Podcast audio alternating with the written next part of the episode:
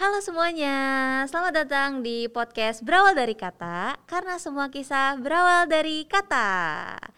Oke, sebelum kita memulai semuanya uh, Izinkan aku untuk memperkenalkan diri dulu ya. Halo semuanya, aku Ariela. Dan hari ini nih kita kedatangan narasumber kita Yaitu direktur dari Sekolah Kristen Ketapang. Wah, di sini ada Ibu Desi Sanger. Halo. Wih. Uh, apa kabar Ibu Desi? Ya pastinya baik dong. Iya. Makanya baik. hari ini bisa ke sini ketemu Betul. kamu Ariela. Oke, jadi nih Bu Desi ini adalah direktur dari Sekolah Kristen Ketapang uh, dan Ibu Desi memiliki visi untuk mengembalikan visi ketapang. Oh. Benar Bu? gitu ya? iya Bu. Ya pastinya dong, karena yeah. visi ketapang kan memang visi yang baik gitu. Ya satu yang baik harus dipertahankan dan harus dikembangkan, ya dimantapkan juga. Wow, keren banget ya. Semoga bisa dengan adanya podcast ini nih, jadi kita meng mengulik-ngulik kali ya Bu ya, nah, gitu mengulik ya. sekolah ketapang juga atau uh, mungkin aturan tentang sekolah dan uh, bagaimana pandangan uh, Ibu Desi juga sebagai pemimpin sekolah gitu istilahnya ya Bu ya. Iya. Oke. Okay. Uh, jadi nih Bu, uh, sebelumnya saya dengar-dengar kan Ibu dulu pernah sekolah eh pernah mengajar di Ketapang kan Bu, tapi sempat keluar dan sekarang akhirnya kembali lagi nih Bu. Gitu ya. iya Bu. Kenapa uh, tuh Bu alasannya? Kenapa tuh ya? Iya, beberapa teman bilang Bu Desi itu hobi keluar katanya. Hit, hit, tadi hit and run gitu. Hit and run. Uh, ya semua orang punya pergumulan ya. Iya Bu. Uh, kalau dihitung-hitung memang uh, udah dua kali sih meninggalkan Ketapang. Wow. Wow gitu ya. Saya kira sekarang kembali lagi nih Bu ya. Iya, jadi ini ketiganya gitu ya balik wow. di Ketapang. Okay. Uh, kitanya tadi kenapa kan ya? Iya, Bu. Jawabnya adalah ya karena setiap orang punya pergumulan. Jadi ada pergumulan-pergumulan di masa-masa tertentu di mana uh, ya harus meninggalkan gitu. Hmm. Pergumulan paling awal adalah waktu uh, punya baby. Hmm. gitu kan uh, idealis lah ya, uh, pingin membesarkan anak sendiri gitu lima tahun pertama di golden age itu kan penting dalam diri seorang anak ya iya benar bu nah jadi pikirkan oh udah deh kayaknya udah harus keluar dulu nih gitu ya jadi hmm. mengasuh anak dulu ya itu itu yang pertama keluar gitu ya okay. Terus yang kedua? Kedua gitu ya. Uh, keluarnya karena ini loh karena hmm, ada panggilan Tuhan yang lain. Oh. Iya sepertinya ini Tuhan memang mau mengajar saya untuk uh, belajar sesuatu dulu gitu ya yeah. Iya. uh, mengembangkan diri dulu. Nah nanti baru kemudian kalau Tuhan izinkan ya seperti ini kan akhirnya Tuhan izinin nih. Iya. Balik lagi kembali kan, ya, ya gitu. Oh. tapi bagaimana uh, perasaan ibu melihat kondisi ketapang sekarang gitu berbeda nggak bu sama yang waktu dulu sebelum ibu keluar dari ketapang Wah ini pertanyaan kamu berat ini jawabnya ini. sih bu? Iya mau jujur apa mau enggak? Jujur lah ya. Jujur bu. uh, yang pasti uh, ya murid pasti nggak sebanyak waktu saya masih ada ya. Hmm. Uh, beberapa teman yang dulu sama-sama uh, melayani, sama-sama berjuang gitu ya ya juga sudah nggak ada nih gitu ya hmm. iya e, tapi masih tetap lihat bahwa semangatnya para guru sih masih ada ya masih tetap ada mereka masih hmm. terus berjuang kok gitu ya e, visinya ketapang juga masih ada cuma memang mesti harus diarahkan lagi nih ke arah hmm. yang tepat gitu ya dan iya. pengembangan visi dong pasti ya. Betul betul. Iya, berarti gitu. sekarang nih um, sudah agak melenceng sedikit gitu oh, apa bisa, bisa dibilang melenceng dong. Enggak ya bu. Ini jawaban yang berhikmat. Oke. Okay. benar bu. Oke okay, bu. Nah jadi nih uh, ada beberapa testimoni nih bu. Oh, ini okay, okay. Uh, dari murid dulu ya bu kita kasih. oh, dari murid ketapang yes kamu kan juga murid ketapang oh, bukan saya bu. Kamu alumni. Hah? iya alumni Oke, kita dengerin dulu ya. Tapi ini suaranya disamarin kok, Bu. Jadi uh, okay. jadi nggak bisa nebak. Gak bisa nebak. Baiklah.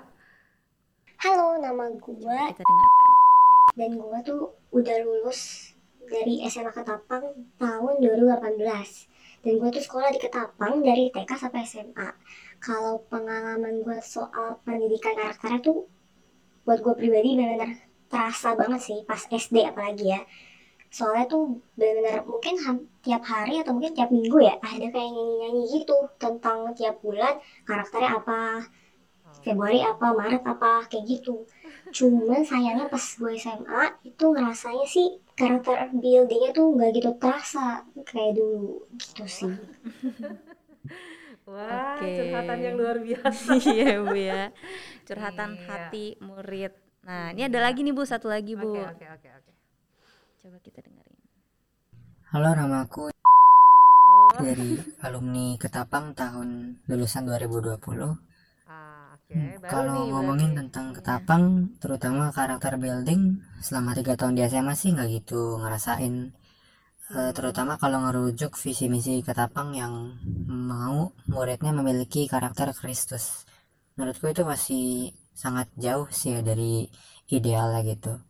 Terlebih lagi dengan kurikulum Cambridge yang digembar-gemborkan waktu itu ya aku dan teman-teman angkatanku juga nggak ngerasain perubahan yang ketara gitu di dalam pelajaran dan kurikulumnya ya bedanya paling cuma depan gerbangnya ada papan Cambridge aja itu aja sih Oke okay, Bu. Terima kasih ya udah bersharing nih tentang ini dua alumni. Mungkin ini yeah. dua dua musim ya dua yang musim terakhir itu kan yang anak-anak baru lulus tahun 2020 ya iya tapi bener. yang satu lagi kan itu dari dia masih SD berarti uh, masih kenal sama iya. ke ke Tata Pangpang iya sebenarnya banget aku juga inget bu ke ke Tata Pangpang tuh iya gitu okay. bu dan dia yang satu lagi udah dari TK Iya, terus kamu mau tanya iya. apa? Jadi bagaimana pendapat ah, ibu? gitu ya? Iya tentang komentar hmm, dari. Iya. Oke, okay, ini deh. Uh, tadi kan nggak gitu jelas nih yang SMA itu apakah dia dari SD atau enggak karena sebenarnya yang namanya pendidikan karakter itu itu kan sebenarnya berkesinambungan ya. Iya, Bu. ya mungkin tadi merasa kok di SMA nggak kerasa ya? gitu ya. Mm. kok nggak berasa ya? Ya mungkin karena dia e, mendapat itu waktu tiga tahun di SMA ya. Bisa hmm. jadi ya itu salah satu ya pendidikan ini kan sebenarnya dari TK. Kalau pendidikan karakter di, uh, di SKK kan dari TK sebenarnya ya, yeah. dengan tema-tema tadi tuh. Benar. Yeah, betul. Coba saya tanya sama kamu. Eh, saya Masih lupa. Ingat saya udah lupa, Bu. Salah satu tema karakter kita apa? Belajar apa? Kerja sama. Iya, yeah, uh, Oh, saling memperhatikan. Yeah, Wih, benar-benar. Dulu saya ingat tuh ya di bulan Agustus itu memang saling memperhatikan, yeah. ya kan? Iya, yeah, benar. Uh, jujur gitu yeah, kan. Iya, benar. Ya kan? Nah, uh -uh. itu kan terus-menerus diulang ya hmm. Eh, basicnya memang ulangan pasal 6 sih bahwa hmm. uh, ajarkanlah berulang-ulang. Jadi karakter itu kan memang harus ditanamkan berulang-ulang. Hmm. Nah, jadi ketika anak itu dari SD apalagi dari TK ya pasti penanamannya akan jauh lebih matang gitu ya, lebih mantap hmm. gitu. Nah, kalau dia masuknya di SMA ya itu cuma tiga tahun terakhir. Nah, iya. dan kemudian kan e, memang ada bukan pergeseran sih, memang ada penajaman ya, namanya hmm. SKK reformasi, wah gitu ya, oh, yes. transformasi hmm. gitu. Jadi di tiga tahun terakhir di SKK itu sekarang kita mengajarkan memang lebih ke perseverance, daya tahan gitu ya. Uh, kemudian uh, bagaimana mereka tuh harus menjadi seorang leader gitu. Hmm. Jadi yang karakter dasarnya ini mungkin ya memang tidak dikembangkan uh, lagi karena berharap itu sudah dapat dari TK, SD terus nanti naik gitu. Jadi sekarang hmm. itu pendidikan karakter di Ketapang itu begitu. Jadi berkelanjutan sesuai dengan usia anak. Oh. Gitu. Ya, tapi ini masukan yang baik sih. Jadi catatan buat saya bahwa mungkin ya buat teman-teman, anak-anak, mungkin murid-murid uh, yang masuknya mungkin cuma cuma uh, apa namanya cuma menikmati pendidikan SMA di Ketapang mm -hmm. ya. Berarti kan kita juga mesti tahu ya yeah. bahwa ini anak-anak yang baru nih bukan dari anak-anak kita dari kecil ya mungkin kita perlu meningkatkan penanaman karakternya. Makasih banget sudah diberi masukan. Oke Bu. Okay. Nah ini juga ada testimoni lagi nih Bu. Wow. Tapi ini dari guru Bu. Komplit iya. banget ya. Iya ada Bu. Kayaknya datangin serombongan SKK. Oke, coba kita dengerin dulu nih. Oke.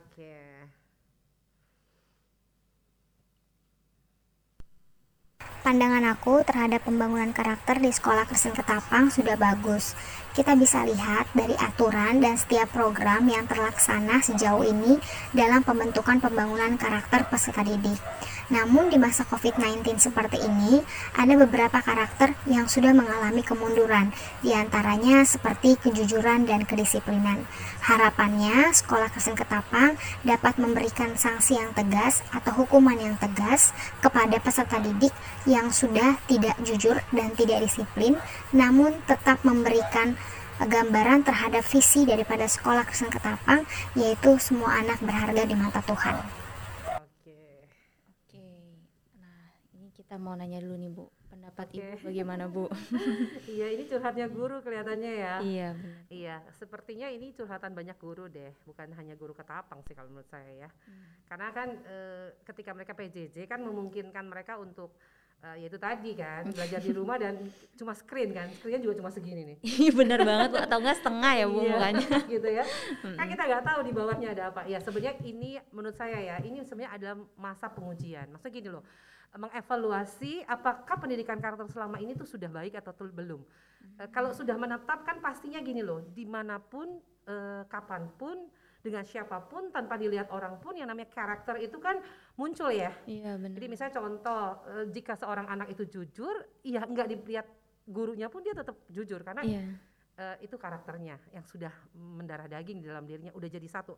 Istilahnya udah ngeblend gitu. Iya, nah, jadi saya pikir ini juga satu evaluasi sih buat Ketapang ya, buat guru-guru hmm. semua ya yang menjadi ujung tombak di dalam melayani anak-anak bahwa ketika uh, kasus ini terjadi atau misalnya ketika kita melihat ternyata anak-anak kita uh, di masa pandemi ketika mereka PJJ mereka jadi nggak disiplin ya, mereka hmm. jadi nggak jujur ya, bisa nyontek ya, gampang banget gitu googling dan dapat soal, dapat jawaban gitu ya itu artinya kita uh, harus uh, harus memberikan sebuah apa uh, catatan khusus bahwa uh, penanamannya belum belum tuntas nih hmm. gitu ya. Hmm. Jadi itu belum menjadi bagian dalam dirinya. Terima hmm. kasih Ibu Guru. Kita kerja keras sama-sama loh ini, jangan cuma curhat. Berarti ya mungkin okay. juga karena ini sih ya Bu, mungkin ada juga yang kayak siswa baru yang tadi seperti Bu bilang dia belum belajar dari awal juga mungkin. Jadi uh, ya penanaman karakter, karakternya jadi iya, kurang gitu. jadi. Ya, sebenarnya kan karakter nggak cuma di sekolah ya, iya. tapi juga di rumah ya. Inilah makanya sangat mengharapkan uh, orang tua, bapak ibu gitu ya. Ayo dong sama-sama kita uh, tolong anak-anak kita supaya mereka bertumbuh ke arah yang baik gitu ya. Dalam hal ini khususnya memang karakter betul. Uh, kita perlu menolong mereka untuk bisa memiliki integritas lah di mana pun mereka berada gitu ya. Karena ini kan sesuatu yang mereka akan bawa nih sampai tua ya bahkan sampai Tuhan panggil. Kan karakter itu menetap soalnya ya. Oke. Okay. Oke. Okay. Nah ini ada satu lagi nih Bu. Nah ini kesaksian lagi. kesaksian. Jadi ini dari guru yang pernah uh, mengajar di Ketapang. Aduh komplit. Wow. alumni Siapa guru. ya? Iya alumni guru berarti. alumni guru. Coba kita dengar. Oke dengar lagi. Tujuh tahun mengajar di sekolah Kristen Ketapang bukanlah waktu yang singkat. Di sini saya ditempa di Universitas Kehidupan dan mendapatkan banyak hal. Sekolah yang mempunyai karakter Kristiani yang keren. Tapi sayang, banyak yang mundur karena tidak sejalan dengan visi misi yang ada. Harapan ke depan, berikanlah penghargaan atau semacam bonus terhadap prestasi kinerja guru sehingga makin memacu memotivasi semangat dalam berkarya mencerdaskan anak bangsa. Tuhan memberkati. Ah, luar biasa. nah, ya, yang menjadi pertanyaan saya gini juga sih Bu. Uh, kadang uh, maksudnya ada juga guru yang uh-huh. sebenarnya dia totalitas Bu mengajarkan, yes. terus dia juga mempunyai hati untuk mengajar, tapi kenapa uh, malah akhirnya memilih untuk keluar gitu bu? Iya, kembali lagi Ariela, setiap hmm. orang punya pergumulan dalam hidup. Hmm. Ya, saya nggak bisa menghakimi buat guru-guru yang uh, saya harus putuskan untuk uh, segera mengakhiri gitu hmm. kontrak hidup, kontrak hidup. kontrak hidup. Saya nggak bilang kontrak kerja ya, hmm. karena buat saya tuh yang namanya kerja itu dalam hidup gitu, maksudnya hidup kontrak hidupnya dia pada saat itu ya. Hmm uh, saya lagi nggak bisa menghakimi karena semua punya keputusan masing-masing gitu. Tapi benar yang ibu guru, entah itu ibu guru apa pak guru ya, karena kan itu disamarkan suaranya. Semua mengakui kok bahwa Ketapang itu adalah uh, apa istilahnya college gitu ya, hmm. uh, sekolah sekolah hidup, sekolah untuk para guru gitu.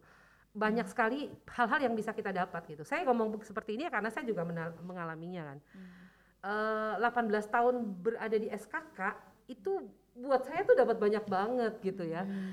apakah di dalam 18 tahun itu tidak pingin meninggalkan SHK? Ya pastilah, gitu ya, pasti ada gitu ya. Tapi kan sekali lagi ya, bagaimana seseorang memiliki pergumulan dan panggilan itu gitu. Tapi tadi masukannya baik. Eh, saya berharap tidak bisa berjanji, tetapi akan berjuang lah ya, berjuang semaksimal yang Tuhan izinkan saya bisa lakukan. Ya bagian itu menjadi eh, catatan bahwa iya memang betul harus memberikan eh, reward, uh, memberikan upah, memberikan penghargaan hmm. atau apalah namanya kepada mereka-mereka yang memang sudah bekerja keras sebagai salah satu uh, bentuk ya penghargaan ya. Karena Alkitab hmm. juga bilang ya, yeah. siapa yang siapa yang bekerja dia yang makan. Iya betul. Ya, gitu ya. Oke oke oke. Tapi uh, mungkin apakah ada faktor juga dari faktor lingkungan gitu? Ada nggak? Hmm. Maksudnya dari para guru-gurunya gitu? Apa maksudnya kan gini bu kalau kadang kan uh, orang kalau bekerja di suatu perusahaan ketika dia udah nyaman dengan lingkungannya dia akan hmm. lebih bertahan lama di situ gitu. ya itu juga salah satu faktor hmm. uh, menikmati lingkungan kerjanya ya sehingga hmm. salary akhirnya tidak menjadi salah satu uh, ukuran hmm. bisa ya kayak gitu ya iya, bisa betul kita sering lihat ada ya orang yang salarynya terbatas tapi dia menikmati sekali gitu hmm uh, ya lingkungan. Terus yang kedua itu tadi panggilan sih menurut saya. Hmm. Kalau panggilannya sangat jelas ya biasanya sih orang akan lebih bertahan gitu ya. Yeah. Tapi sekali lagi ya nggak yeah. boleh menghakimi orang. Betul. Karena semua orang punya pergumulan hidupnya gitu. Mm -hmm. Jadi kalau ada teman yang bilang Bu Desi uh, saya kayaknya harus resign dari Ketapang gitu. Karena dulu sering gitu ya mm. ketemu teman-teman yang mau resign gitu. Ya bisa saya akan bilang, saya akan tanya uh, pergumulannya apa gitu. Apakah pergumulan itu bisa uh, menghantar kamu pada keputusan memang harus keluar atau apa gitu. Nah biasanya sih kalau sampai titik dia bilang iya nih udah digumuli dan nggak bisa ya, ya itu itu keputusan dia sih gitu ya. Menurut saya ya saya sangat menghargai itu sih. Oke oke. Dan ini juga sih ada bu uh, aturan-aturan uh, di sekolah ya bu. Mm -hmm. uh, seperti yang kita tahu kalau di sekolah Ketapang tuh uh, harus rambutnya diikat. Oh, nggak boleh. ya? Yes bener banget bu. Diikat gitu. satu. Iya bu. Terus kaos kakinya nggak boleh di uh, atas mata kaki. Baik gitu. Di, eh, di bawah di bawah mata kaki, kaki betul agak panjang kayak suster bener ya? Bu. Iya bener bu. Harus sebetis bu. Waktu itu okay. aku inget banget. Terus itu di SMP apa di SMA kamu di kayaknya dua-duanya deh ya, bu aturannya sama ya? Iya. okay. mm -mm, terus pakai anting juga nggak boleh yang terlalu uh, mencolok. okay, okay. iya terus gak boleh pakai jaket bu saya inget banget bu ini ya, udah uh -uh. Ya. nah apakah aturan tersebut tuh sebenarnya masih relevan gak sih bu? Ini, ini area surat. ya bu, kan maksudnya ini juga uh, jadi ya, ya, ya. pergumulan siswa gitu. Padahal kan sebenarnya itu juga nggak mengganggu uh, iya, apa iya. ya? Okay. uh, konsentrasi mereka gitu. Kayak baik, ketika pakai jaket baik, tuh baik. malah dibilang e, emang kenapa kamu sakit? Kedinginan. Iya kalau kedinginan dingin. bener bu. Uh, uh, kalau enggak AC-nya termometernya dinaikin aja gitu kan. Oke. Okay. ya Gimana mungkin di masa PTM sih nggak kerasa ya. Iya bu. Tapi di masa sebelum PTM mungkin ya. Bener banget bu. Iya uh, saya dulu pernah masuk dalam satu tim ya karena dulu kan saya di bidang karakter ya. Hmm kerohanian karakter counseling dan itu satu bidang yang memang uh, merumuskan salah satunya adalah merumuskan peraturan gitu hmm. gitu ya jadi ada rule, ada ada undang-undang, undang-undang sekolah gitu ya. Hmm. Iya, tapi Ariel juga mungkin mesti ingat loh bahwa iya, di Ketapang itu kan ada dulu namanya plus minus poin. Iya bu, benar ya. banget tuh bu. Iya ingat iya. saya. ada minusnya, tapi juga kan ada poinnya. Jadi se -se seimbang lah ya antara punishment and reward gitu ya. Nah, uh, sebenarnya dasar daripada kenapa nggak boleh pakai anting yang menyolok itu sebenarnya sih dasar gini loh bahwa berharap nih anak-anak ketapang ini tidak menampilkan sesuatu yang menyolok dalam arti apa namanya uh, penampilan gitu mm. ya jadi coba kamu bisa bayangin nggak kalau misalnya ada seorang yang sangat kaya raya nih gitu ya. Oh, iya, dia iya. pakai jaketnya aja udah jaket luar gitu gitu ya. Okay, okay, wah iya. dia bangga banget gitu. Sementara kan uh, apa uh, uh, uniformnya kita atau seragamnya kita kan ya begitulah semua sama standar gitu ya. Hmm. ya saya nggak nggak mau katakan bahwa oh di luar negeri lebih bagus karena nggak ada seragam gitu ya. Ini ini beda konteks gitu uh, seragam itu kan menolong supaya ya udah kita sama lah gitu ya. Hmm. mau anak dari keluarga kaya keluarga menengah sampai keluarga yang mungkin uh, ekonomi terbatas atas sama kok tampilannya. Nggak ada yang beda gitu betul, ya. Betul iya gitu sih sebenarnya. Kalau rambut kenapa harus dikuncir ya bu. Ya karena nggak ganggu kan? Iya mungkin ya bu ya. Atau kamu pendekin? Uh, uh, enggak jangan bu. ya, okay. tapi kan oh. kuncir juga cakep kok. Ya bu. Saya mulai bayangin kamu waktu dikuncir dulu ya Oke, dapat. Oke. ya Bu, tapi saya sebenarnya kan biasa orang kalau perempuan kan kalau dikuncir mulu ntar rambutnya patah Bu, oh, iya. gitu katanya Bu. gitu ya? iya. iya. Oke, jadi sebenarnya nih uh, aturan itu karena sebenarnya uh, mau menyamakan ya Bu ya, iya. maksudnya ya. Jadi bukan, bukan karena menjadikan mereka komunis loh ya. Iya bukan Bu. Ya. Mm -mm. Jadi maksudnya jangan ada perbedaan gitu ketika mereka memakai suatu barang yang mencolok. Oh benar benar benar. Oke oke Bu. Oke, saya sekarang mengerti ya, Bu. Nah, dulu nggak ngerti ya? iya, bener, Bu. Berarti kita yang salah dong, nggak ngasih tahu kalian. Mungkin kurang sosialisasi, bener, Bu. iya ya, ini mm -mm. jaga catatan. Jadi, apalagi ada anak sekarang ya, hmm. mereka harus tahu reasonnya. Kenapa sih? Iya, Kenapa iya, sih? Ya, itu uh, masuk ke area ini kognitif kognitif uh, maksudnya pengajaran karakter dengan dengan uh, area kognitif. Jadi harus dikasih tahu kenapa hmm. gitu ya. Okay, ya okay. terima kasih buat masukannya. Oke okay. oke okay, teman-teman tuh. Jadi um, gitu ya alasannya ya. Nyampein aja bun dari teman-teman juga oh, kok. gitu ya? Oh aduh, kamu dapat contekan banyak sekali ya iya, teman-teman ya. Kan research dulu nih okay, bu kita nih bu. Oke, jadi tadi kan kita udah ngobrol-ngobrol nih ya Bu. Uh, nah sekarang kita uh, lebih enjoy enjoy enjoy enjoy dulu deh bu. Kita refreshing nih bu. jangan yang uh, terlalu ke mana gitu. Enggak kok bu. Tenang aja. Ini kita bermain games nih bu. Ah, okay, games. Oke okay, asik. Ya jadi ini question of life. Jadi ibu harus menjawab cepat. Oke. Okay. contohnya nih misalkan jika saya tidak menjadi direktur ketapang maka saya akan menjadi ibu rumah tangga. Wih oke. Okay. okay. Sangat cepat ya jawabnya nih ya. Karena itu itu keinginan. Oh sebenarnya keinginan, keinginan ya bu ya. iya dong. Oke oke. Oke kita mulai ya pertanyaan yang pertama okay. ya bu. Banyak orang yang tidak tahu kalau saat weekend saya uh, juga bekerja di rumah dan uh, melayani di beberapa gereja dan tempat lain. Oh oke. Okay. oke okay, oke. Okay. berarti ibu juga Jadi waktu istirahatnya uh, kapan? Iya bu. Ya ke hari ini Iya. diundang podcast. Wis. Terima kasih loh Bu okay, di sela-sela kesibukan nih Bu. Yes. Oke, lanjut. Pertanyaan yang kedua. Mm-hmm. Saya paling gemes kalau melihat guru yang uh, cuek dan nggak mau ningkatin kemampuannya. Mm, mm. Rasanya. Kok mau gitu-gitu aja sih? Ya, oh. gitu ya. Oke, oke. Ya. Yang ketiga, banyak orang yang tidak tahu kalau saya pernah bercita-cita menjadi Uh, pelari cepat. Seriusan bu?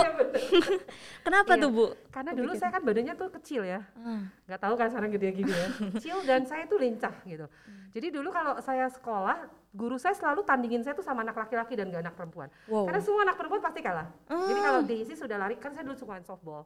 Hmm. Itu itu olahraga kesukaan saya, softball, volley lah ya. Dulu yeah. tim volley loh nggak ada yang oh, nyangka kan iya uh. ya, tapi karena nggak ada dukungan jadi uh. udahlah itu ditinggalin nah jadi kalau lari itu cepet jadi guru bilang e, kamu kayak kancil ya gitu tahu ya hewan kancil yeah. itu gitu ya jadi waktu itu berpikir gimana ya kalau jadi pelari aja gitu hmm. nah itu sih oke okay, oke okay. wow ini wawasan baru nih anak-anak ya. aja pada nggak tahu iya. saya nggak pernah oh iya, iya. oke okay. terus ada lagi nih bu um, momen yang tak terlupakan di hidup saya adalah ketika saya ya jatuh cinta lah. Wih. Boleh diceritain sedikit gak nih Bu? Uh, Perjalanannya gimana? Hmm. iya, buat saya ya karena mungkin saya bertumbuh di gereja ya, bertumbuh di remaja ya, dengan ajaran dan value-value yang kuat gitu ya, di keluarga juga kuat.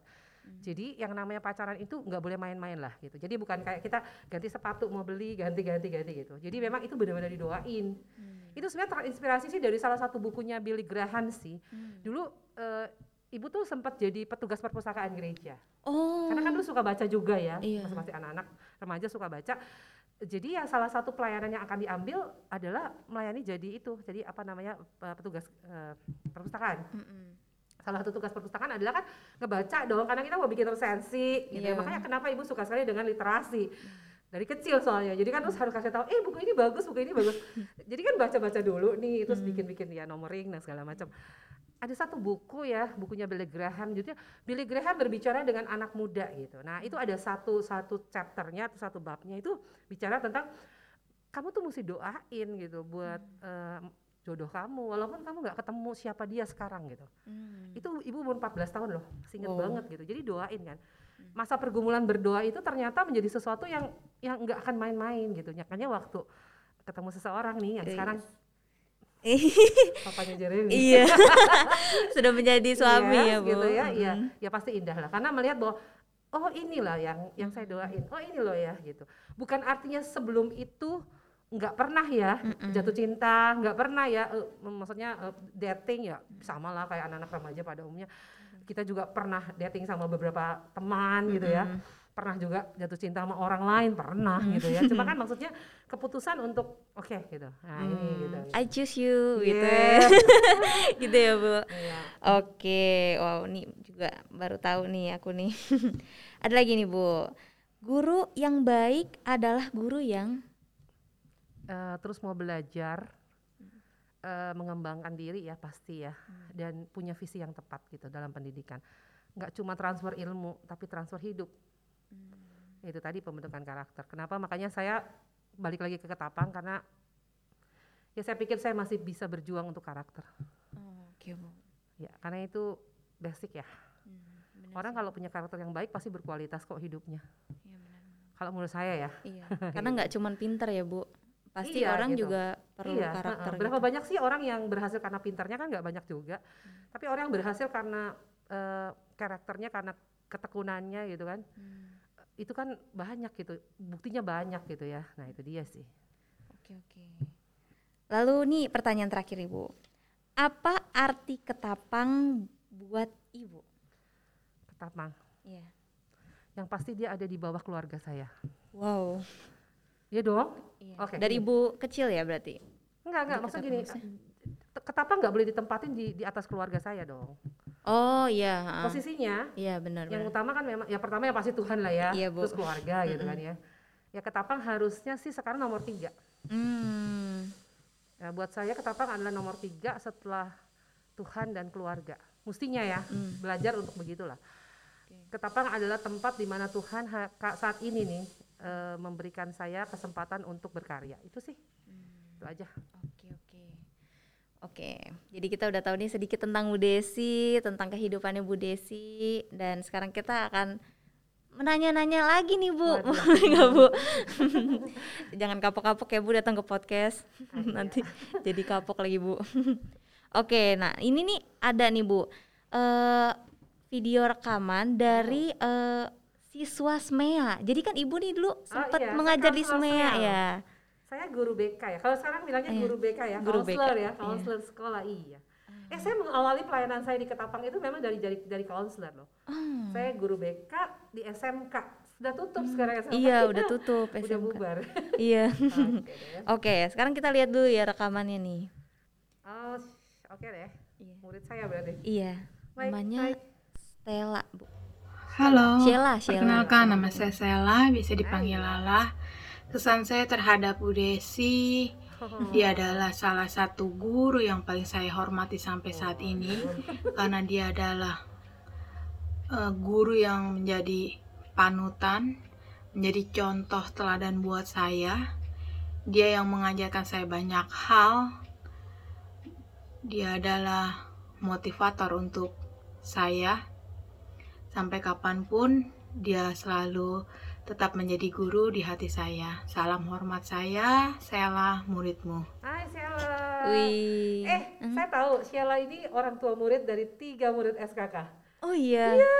Wow. Berarti dia udah ini, maksudnya dia mempercayakan anaknya juga. Iya biasanya gitu. gitu. Ketika, Biasa gitu ya, ketika orang tua menikmati pelayanannya di satu sekolah, dia pingin anak-anaknya juga menikmati. Oh. Ya sekalipun pasti lah ya, nggak sama ya Iya, zamannya nanti saya nih Ale iya bu zamannya kamu dulu sekolah nih ya iya. nanti misalnya kalau Tuhan izinin kamu menikah dan punya anak ya pasti beda gitu bisa hmm. lebih baik bisa lebih jelek tapi berharap ya lebih baik lah benar bu gitu ya iya, ya, iya. jadi pingin sih pasti yang menikmati pelayanannya hmm. Sheila ini dulu manajemen kalau nggak salah jurusannya oh. dan dia iya. sampai sekarang masih berhubungan baik sama ibu juga ya iya jadi kalau misalnya ada sesuatu yang dia mau sharingin dia akan banyak kan murid-murid saya gitu kok mereka hmm. masih bisa bersharing ya yeah. maksudnya gini ya itulah guru tetap guru sih hmm. buat saya murid juga tetap murid padahal dia sudah mami hmm. karena ada sisi-sisi di mana saya merasa ya dulu kamu murid saya gitu jadi ikatan itu kayaknya nggak bisa putus deh kalau menurut saya hmm. itu kan makanya saya bilang ketika guru mengajar dengan hati ikatan hati itu nggak putus hmm. ya nggak semua sih karena kan uh, murid ketapang sudah di berserakan di seantero dunia gitu iya, ya. Benar, benar. Enggak enggak selalu punya. Ya kayak kemarin misalnya kita reunian nih dengan beberapa angkatan gitu. Ya deket. Hmm. Ya karena mereka menikmati pelayanan kita dan kita menikmati apa yang mereka uh, sudah lakukan sebagai murid gitu ya. Ya hmm. tetap sih yang bandel-bandel itu tetap teringat gitu. Tapi jadinya kan jadi cerita lucu iya. akhirnya gitu ya. Oh, Suka cita guru apa sih ketika melihat anak-anaknya berhasil kan? Betul. Uh, menikmati apa ya kehidupan yang yang yang luar biasa dalam hidup mereka itu itu itu benar-benar nggak bisa diganti nama apa pun hmm. gitu okay, ya, okay, itu sih dan ada nih Bu berdasarkan info yang didapat tuh katanya ketika guru-guru baru yang masuk mm-hmm. yang seniornya itu tuh akan support ide juniornya Bu karena e, melihat tuh kalau juniornya tuh punya oh. potensi Bu. Bener Iya iya iya itu yang saya alami di Ketapang sih. Hmm. Itu juga mungkin mengapa akhirnya hmm, saya bisa dalam tanda kutip ya. Hmm. Jadilah orang bilang. Hmm. Karena ketika saya masuk SMK dulu, saya tuh umur 21 tahun loh mungkin lebih muda eh, dari kamu. Seumur aku bu sekarang. Yes. Mm -mm. Karena saya cepat sekolahnya, jadi S1 mm. saya cepat. Uh, eh, SKK adalah rumah belajar saya pertama lah, istilahnya uh, tempat di mana saya berkarya ya sebagai counselor ya. Hmm. Karena kan saya kuliahnya kan memang bidangnya itu kan. Hmm. Jadi saya benar-benar uh, menikmati pekerjaan seperti itu. Nah, saya merasa gini waktu saya menjadi seorang junior 21 tahun apa sih pengalaman juga belum ada. Hmm. Nah, para senior saya itu nggak pernah melihat bahwa saya itu anak kecil gitu. Hmm. Walaupun mungkin gini ya, mereka nggak supportnya, ayo deh kalau kamu mau kerjain ini saya bantu, saya mentoring, mungkin nggak. Tapi mereka nggak pernah memandang rendah apa yang kami pikirin gitu. Hmm. Mereka bilang, oke okay, bu, lakukan, gitu ya. Oke okay, bu, lakukan gitu ya. Uh, jadi itu mungkin ya yang membuat teman-teman ya dulu ya ya di sini mungkin ada yang dengar adalah teman-teman saya yang dulu sepantaran seangkatan di SMK dulu ya hmm. banyak juga kan ya uh, kita mengapa akhirnya kita maju gitu karena pengalaman itu kan banyak yang kita dapat gitu hmm. itu sih yang saya rasakan makanya saya berpikir gini satu saat Tuhan kalau Tuhan izinin saya jadi seorang leader gitu ya hmm. saya nggak boleh nganggap kecil gitu hmm. uh, para junior gitu se okay. sekecil apa pun mereka se setidak tidak tidak tidak apa pun pengalaman mereka gitu ya. Ketika mereka disupport mereka akan menghasilkan kita akan menghasilkan uh, leader-leader yang baru gitu ya. Uh, kreator-kreator yang baru iya. gitu ya. Uh, itu sih kalau menurut saya. Hmm, gitu. okay, okay. Mm dan uh, kalau dilihat dari tadi ya bu maksudnya uh, perbandingan guru dan murid dulu tuh maksudnya sampai sekarang tuh bisa sampai akrab dibandingkan hmm. dengan guru dan murid sekarang yang mungkin tuh terkadang ada percekcokan yang bisa terjadi tuh bu nah iya ya. itu apakah ada Gimana sesuatu ya? yang harus dibenahi bu apa oh, karena okay. misalkan mungkin apa karena umur juga terlampau jauh mungkin gitu ya. jadi dulu waktu saya umur 21 tahun saya cuma beda tiga tahun sih sama murid-murid kan mereka oh. 18 kan 18 iya. ada yang 19 17 gitu ya iya ada yang 15 sih maksudnya nggak beda jauh. Mungkin karena dulu nggak terlalu beda jauh itu jadi seperti temen. Hmm. gitu. Tapi kemudian saya pikir juga enggak ya. E, setelah saya terus mengajar juga saya muridnya juga cukup jauh kan. Saya udah menikah saya udah waktu itu saya udah umur 30 masih jadi counselor. Mereka hmm. 15 tahun berarti kan setengah umur saya dong. Hmm. Ya saya pikir memang tapi tetap sih harus memberi batas. Jadi uh, as a friend as a teacher gitu. Jadi anak-anak juga mesti tahu bahwa ada saat memang guru menjadi guru mm-hmm. ya kan yeah. ada saat di mana ya guru menjadi teman gitu nah ketika kamu sudah menjadi alumni ya gurumu adalah temanmu dong bener banget gitu kan iya yeah. yeah. itulah makanya bisa ngobrol asik masih bisa janjian untuk uh, meet up meet up bu ini gitu kan beberapa teman beberapa murid udah bilang bu bu ketemu bu kita makan bu makan bu gitu masih pandemi masih pandemi gitu ya kan nggak mungkin tuh uh, relasi itu akan tercapai kalau kita dulunya nggak punya hubungan yang baik, baik. gitu ya hmm. ya tapi sekali lagi namanya juga anak remaja ya harus tarik iya. ulur tarik ulur. Kalau kita begitu kendor ya udah dia bisa injak injak iya, kita bener -bener juga nah ya maka saya bilang uh, kamu harus belajar untuk menempatkan dirimu pada saat gurumu menjadi guru gitu ya uh, she is a teacher gitu ya as a teacher atau dia sebagai temanmu gitu. Nah itu ha, memang ha, kita yang membantu dia lah memberikan guidance-nya. Itu sih kalau menurut saya ya. Oke bu. Hmm. nah terus bu uh, menurut ibu nih bu hmm. karakter building yang ada di Ketapang itu uh, sekarang kan pasti masih ada gitu ya bu. Ya, nah, masih ada lah. iya kan. Ada. Nah kira kira-kira kalau bisa diukur tuh dari skala 1 sampai 100 tuh berapa? Jangan 100 kebanyakan. Okay. Biasa pengukuran itu paling gampang 1 sampai 5 aja. 1 sampai 5. Oke. Okay. Waduh, saya malah ngatur-ngatur kamu. Satu 1 sampai 5. Maksud kamu mau tanya uh, sekarang pada uh, pengembangan dan penerapan karakter building di Ketapang itu hmm. berada di posisi berapa bu? Waduh ini jawabnya susah nih. Kenapa bu? Karena kan oh, saya baru masuk. Hmm. Saya Agustus baru mulai lagi di Ketapang toh. Hmm. Kalau saya bilang empat, saya juga nggak yakin empat. Hmm. Yang paling aman tiga sih. Tiga ya. gak rela dong kalau kasih dua atau satu. Gitu. Karena gini gini gini penanaman karakter tuh jangan cuma berpikir bahwa itu dalam kelas. Dulu kan kamu punya pelajaran bina diri. Iya benar. Kamu suka nggak sih baca buku bina diri? Iya suka bu. Soalnya ada gambar-gambar ya. Kalau buku lain jarang ada gambar ya bu. Gitu ya. iya bener bu. ya kita sapa Jesse. Halo Jesse, terima kasih dulu sudah menggambarkan tokoh karakter kita ya ke Ketata dan Pangpang di bina diri. Wih. Eh, yes, mantap. Okay. Masih dipakai katanya hari ini. Oh iya masih ya sampai iya, sekarang karena ya. Karena belum ada yang revisi. iya Hmm. Saya itu seperti masuk ke dalam gua adulam, gua, gua hmm. gelap, bukan gelap sih, gua yang tenang gitu ya. Dua tahun saya menghasilkan karya itu, hmm. ya dibantu oleh Ibu Monika kemudian uh, staf saya, Ibu Monik uh, membantu ketika sudah mulai ke tingkat SMP sampai SMA gitu. Hmm. Tapi TK sampai SD dulu saya bikin seorangan diri. Wow. Jadi bergumul sekali. Nah, itu adalah pengajaran yang memang terstruktur, punya kurikulumnya hmm, ya. Betul di kelas. Makanya kita minta setiap minggu harus paling tidak satu jam pelajaran dong. Hmm. Ditambah lagi kita kan punya banyak uh, itu tuh namanya. Kamu mungkin masih ingat nggak? Kita punya uh, karakter apa namanya uh, uh, minggu karakter, yeah. gitu ya, pesta karakter, gitu yeah, kan yeah, banyak bener, ya. Bu. Kegiatannya uh, banyak banget yeah, ya. Yeah. Sampai apa seminar-seminarnya gitu yeah, kan. Yeah, bener, itu rangkaian yang nggak pernah selesai. Hmm. Bahkan ada penghargaan karakter. Iya benar benar. Kamu pernah dapat nggak? Nggak pernah bu. Saya kurang kali ya bu ya. Uh, bukan berarti kamu nggak pernah dapat karena dulu ada iya. kotak iya. karakter. Pernah masuk nggak? Isiin. Kalau kamu oh, iya saya ingat bu. Aduh. Oh, iya. Hmm, iya iya kan? benar-benar. Ya, itu waktu itu. Terus ada buku karakter, reward karakter. Gak tahu kamu masih punya nggak? Jadi kalau kamu melakukan satu karakter yang terpuji atau yang kuat, uh, nanti gurumu akan catat di situ, menuliskan itu. Oh, nah, nggak tahu. Kalau harusnya sih kamu masih punya, harusnya ya. Waktu Tapi TK nggak sih bu dulu? Enggak, itu sampai SMA kok. Oh, sampai SMA ya. ya. Karena itu bukunya dibawa sampai dia SMA. Hmm, okay, ya.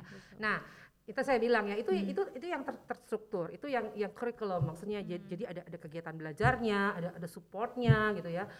Nah, terus ada lagi yang namanya karakter itu adalah itu life skill kan, mm -mm. sesuatu yang yang terjadi. Jadi misalnya waktu kamu bersama menjadi osis, mm. sebenarnya kan itu kan muatan yeah. karakternya kan kuat di situ kan ya. Betul. Nah itu dia. Jadi kalau saya bilang, ya mungkin kurikulumnya sekarang agak kurang nih Bu Desi, ya bisa jadi gitu. Hmm. Tapi uh, eksekusinya ketika kita di dalam kelas aja, eh, tadi lah kenapa sampai ada ibu guru yang bilang anak-anak udah nggak disiplin nih bu, anak-anak udah mulai suka nyontek nih bu. Ya itu kan hmm. sebenarnya pembelajarannya semua ada di sana, hmm. gitu ya. Bener -bener. Iya, saya mau katakan ya mungkin secara kurikulum mungkin dia agak mengalami pergeseran atau kemunduran. Tapi saya percaya di dalam prakteknya sih tetap ada lah. Karena semua guru pasti selalu ingin anaknya jadi baik kok. Hmm. Jadi kalau dia menegur gitu atau dia menasehati atau dia mensupport atau dia memberikan reward atau punishment itu pun semua dalam pembelajaran karakter. Oke oke. Ya. Nah, uh, yang seperti yang kita tahu nih ya, kalau Bu Desi ini kan uh, bukan cuma peer direktur gitu. Jadi kan Ibu juga mengurus uh, segala sesuatu mungkin ya tentang sekolah ketapang ya Bu uh, mengurus keuangan juga mungkin atau mengurus kurikulumnya juga kali iya tapi kayak ya, mengepalai gitu ya bu harus tahu maksudnya mm. uh, seorang pimpinan itu dia harus tahu dari hulu sampai hilir pendidikan nah nah ya. kalau uh, menurut ibu apa yang uh, apa langkah yang bisa ibu ambil untuk mengembalikan visi ketapang bu? Yang pasti di, di bidang pendidikan lah ya harus ya hmm. kembalikan ke ke fungsi ke porsi se semula. Di mana kita nggak hanya mendidik anak-anak secara akademik tadi ya walaupun itu penting ya tapi uh, muatan karakter itu sangat teraplikasi gitu ya itu yang pertama sih yang kedua yang tadi itu yang tadi masukan hmm. uh, memberikan reward yang tepat hmm. kepada para uh, guru dan karyawan itu penting ya karena di situ kan mereka akan merasa juga mereka dihargai gitu ya ya itu sih uh, uh, apa namanya pelayanan yang terintegrasi dan terpadu juga perlu uh, sekarang kan semua udah menggunakan uh, apa infrastruktur uh, IT ya berbasis yeah, IT ya ya ketapang juga akan ke sana sih okay. ini sedang sangat berjuang untuk bisa punya apa namanya punya infrastruktur IT yang yang yang baik gitu ya supaya hmm. anak-anak juga bisa mengakses banyak hal di sekolah ya uh, perpustakaannya sudah harusnya sudah sudah masuk ke era uh, digital library okay. gitu ya udah yes. sih udah ke arah sana sih uh, saya harus bilang bahwa banyak yang sudah banyak perubahan gitu ya kayak misalnya udah nggak pakai kertas iya benar bu iya nih ibu selama dua bulan ini kayaknya nggak pernah main kertas nih hmm. kertas kan uh, uh. ya kan iya itu udah udah udah kerasa banget gitu bedanya ya hmm. oke okay. Nah, ini sebagai penutup nih Bu, okay. uh, eh, kira-kira uh, ada pesan atau kesan yang Ibu ingin sampaikan nggak untuk para guru? Nggak cuman untuk uh, guru-guru yang ada di sekolah Kristen Ketapang gitu, maksudnya buat semua, semua guru, gitu ya? yang menonton podcast ini gitu. Oke, okay, kalau ngomongin guru selalu semangat, karena I'm a teacher. Wih. Oh iya dong, mm saya harus menempatkan diri saya tetap guru walaupun ada jabatan tambahan. Betul. Iya, oke. Okay. Oke, saya mesti bilang gini, uh, guru itu panggilan hidup sebenarnya, panggilan hati. Kenapa? Karena pekerjaan seorang guru nggak bisa hanya dinilai dari berapa gaji yang dia dapat. Karena sebenarnya kalau mau hitung-hitungan, dia melakukan lebih daripada gaji yang dia dapat sih pasti. Hmm. Jadi saya berpikir begini, ketika Anda dipanggil Tuhan menjadi seorang guru, Anda sama seperti Kristus yang adalah seorang guru uh, luar biasa kan siapa kita gitu sampai kita dikasih kesempatan jadi seorang guru yang uh, pasti Ventong pernah bilang arsitek jiwa gitu ya. Uh, luar biasa gitu. Jadi hargailah panggilan itu dengan kerja keras uh, meningkatkan uh, kompetensi ya. Baik itu kompetensi yang sifatnya so, tadi yang soft skill maupun yang yang yang skill yang hard skill gitu ya. Uh, jangan cuma terpaku pada apa yang ada gitu. Uh, ini ada ada buku ya udah ngajar buku itu gitu. Enggak gitu enggak cuma itu gitu uh, perlu kita meningkatkan diri ikut-ikut seminar ikut-ikut training gitu. Uh, sampai hari ini aja ibu masih ikut training kok. Hmm. kemarin baru belajar tentang uh, uh, salah satu metode baru bukan baru sih sebenarnya udah lama tapi terstruktur ya akhirnya ya. Hmm. misalnya seperti flip learning itu kan keren tuh di kakek hmm. sekarang gitu. Nah, nah kita harus ke sana ya arahnya. Nggak bisa terima bahwa dulu saya diajar guru saya dengan cara begini loh. Saya mau ikutin sampai sekarang. Dulu waktu saya kuliah ya ya mungkin kan banyak yang kuliah di PGSD atau di Universitas hmm. Keguruan gitu kan. Hmm. itu kan ada metodologi. Ya udah cuma itu aja gitu. Nggak bisa dong gitu ya. Hmm. jadi pengembangan lah karena anak-anak kita suka berubah. Zaman sudah berubah tuntutan sudah berubah. Jadi kita pun perlu berubah sebagai seorang pengajar atau guru. Ayo semangat para guru. Kita adalah uh, pilihan Tuhan untuk membentuk anak-anak berapapun usia mereka. Oke. Okay. Okay. Semoga guru-guru yang mendengarkan ini juga bisa termotivasi dan jadi kembali semangat ya Bu ya. Mungkin ya, kalau semangatnya juga udah pudar gitu. Oke deh, terima kasih Bu Desi Sama-sama untuk waktunya ya. sudah menyempatkan diri di sini. Dan terima kasih juga untuk sobat kata yang telah menonton podcast hari ini di episode di episode kali ini dan buat kalian semua yang ingin uh, kira-kira tuh ada ide nih buat tema podcast kita di berikutnya apa. Nah, kalian bisa tulis di kolom komentar dan jangan lupa juga untuk like, share dan subscribe. Oke, dan sebelum kita mengakhiri uh, podcast hari ini, kita ada sepatah dua patah kata dari Mister Kata. Sekolah Ketapang, sekolahku, taman bermainku, rumahku, kenanganku, dan keluargaku. Sekolah Ketapang, terkenal dengan slogan karakter building.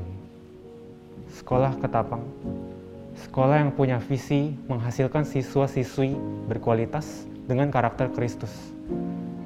Sungguh sebuah visi yang tidak mudah. Sekolah Ketapang kini dinahkodai oleh pemimpin baru yang diharapkan mampu mengembalikan visi yang sudah agak terlupakan.